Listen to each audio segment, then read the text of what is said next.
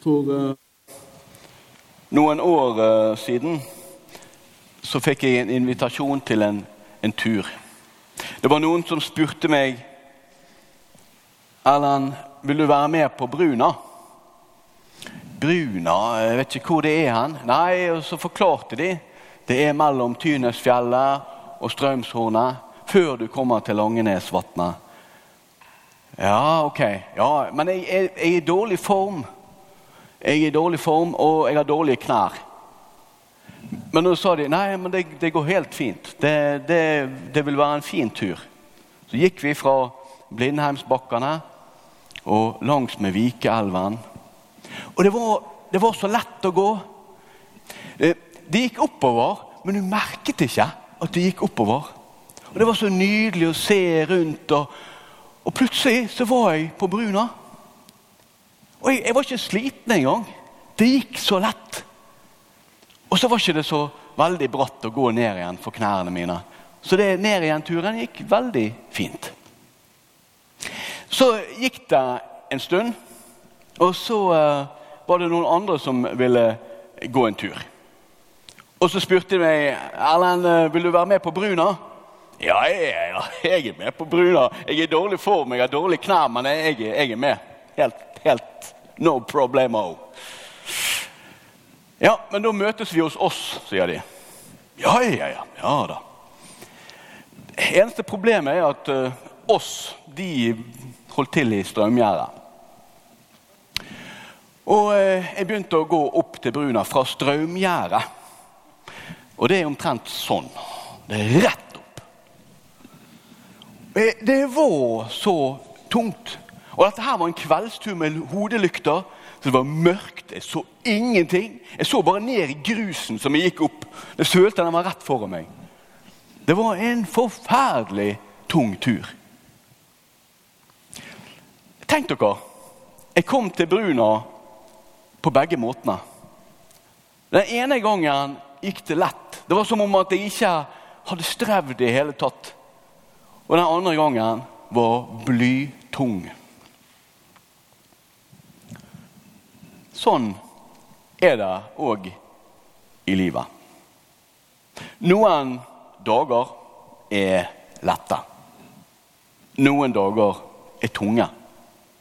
Noen ganger føler vi at vi får mye. Andre dager føler vi at vi ikke får noe som helst. Vi bare gir og gir og det kommer ikke noe godt ut av det.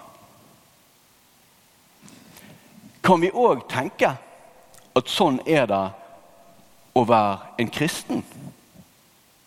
At noen dager så er det lett å tro. Noen dager er det lett, og vi føler at vi får spredd troen på en god måte. Folk føler seg elsket. Andre kommer til tro gjennom de fellesskap vi er i. Og det er godt å være en kristen. Noen ganger er det rett og slett blytungt. Det er nesten så vi kjenner at har jeg en tro i hele tatt? Er jeg god nok for Gud? Og vi er på samme reisen. Det er egentlig samme turen.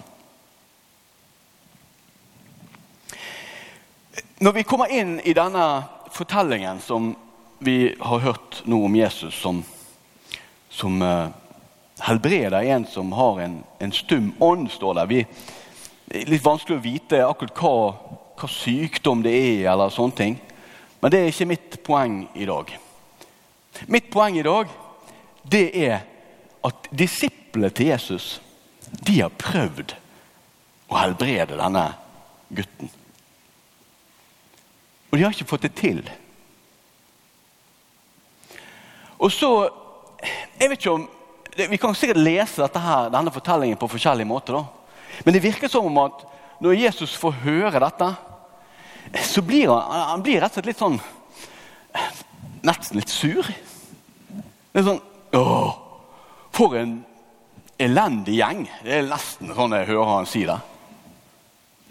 Og, og da er det veldig lett å, å mistolke. Og jeg tror nok kanskje at Faren han tolker at det er Jesus er sur på han.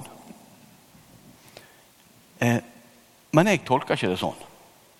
Jeg leser at Jesus egentlig er sur på sine disipler. Og hvorfor er, hvorfor er han det? Da skal vi eh, lese fra nå hopper litt lenger fram i, i eh, Markusevangeliet, til det sjette kapitlet.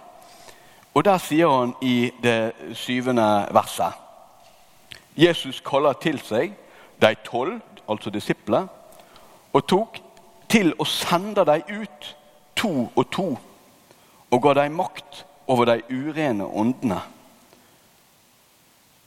Han har altså samlet disipler. Han har sendt dem ut, så dere skal få lov til å be for folk og helbrede folk. Jeg sender dere ut. Jeg, Jesus Kristus, Guds sønn, jeg sender dere ut. Og jeg, jeg ser for meg det. Og Disiplene de har gått frimodige ut. De har sett Jesus, hva han kan gjøre. Hva, han, hva helbredelser han kan gjøre. Og så denne mannen som kan gjøre alt dette, han sender de ut. Og så går de ut. Så møter de syke, og så ber de for dem. Og så ser de at de blir friske. Min, min tanke er det at de har vært på tur fra Blindheimsbakkene opp til Bruna. Det har gått veldig lett. De har fått utrolig mye igjen for innsatsen sin. Og det er lett å være en Jesus-etterfølger. Og de har sikkert våknet hver morgen og tenkt Gud, bruk meg i dag. Bruk meg i Jesu navn, så jeg kan gjøre folk friske, be, helbrede. Fyll meg med Din Hellige Ånd. Bare se det for meg. Så har de gått ut. Men så en dag så har de våknet og tenkt ny dag, nye muligheter. Skal se hvem jeg kan helbrede i dag. Det hadde vært fett. Det gir meg en god følelse å kunne helbrede noen. Yeah. De eh, slutter å være utsendte. De slutter å være fylt av Gud. De er mer seg sjøl. I egen kraft går de ut.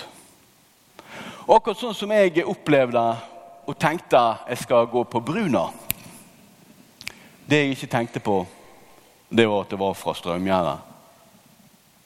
Jeg hadde ikke bedt om og lagt fram alle mine svakheter. Lagt av med det som jeg har. Jeg tenkte at dette klarer jeg av egen makt. Dette er jeg god nok til. Og Sånn er det utrolig lett for at vi òg blir som kristne. At uh, livet går veldig bra og vi glemmer Gud. Når Jesus sier til disiplene at det han gjorde, det gjorde han gjennom bønn og faste, så er det fordi sånn Jesus fungerer, det er at han stadig venner seg til sin far. Han, han er stadig i bønn til Gud. Å faste, det er en måte å legge av, legge vekk noe av det jeg vil, det jeg er, og gi plass til Gud. Og Veldig ofte så bruker vi gjerne eksempelet penger. Det er mine penger, det er jeg som har tjent det. Nei, Hvis jeg legger vekk noe av mine egne penger og gir det til de fattige,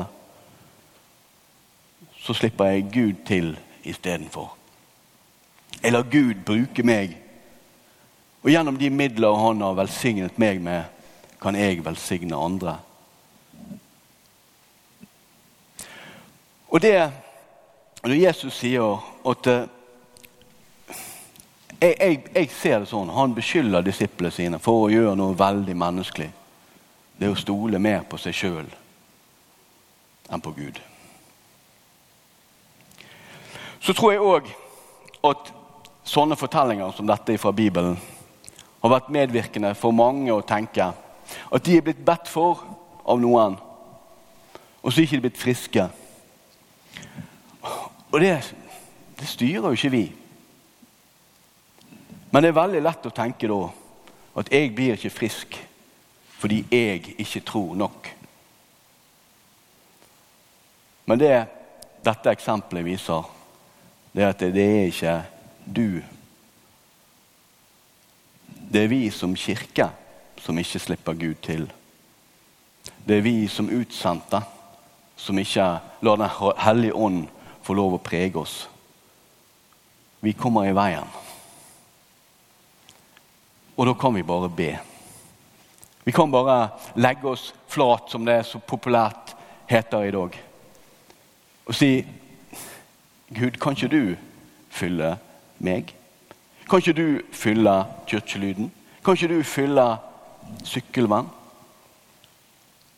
Kan du råde? Og da er, da er det veldig Det er utfordrende, men jeg tror det er kjempespennende òg. Å be den bønnen.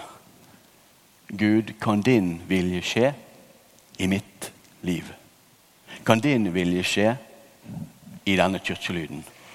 Kan din vilje skje i sykkelvann og ut? Vi kan åpne oss for Gud og be den bønnen så vil han være med oss når livet er godt, lett og herlig. Og så vil du se at når vi òg slipper han til når det er vanskelig, da er det han som bærer oss. Den vanskeligste bønnen å be er la din vilje skje.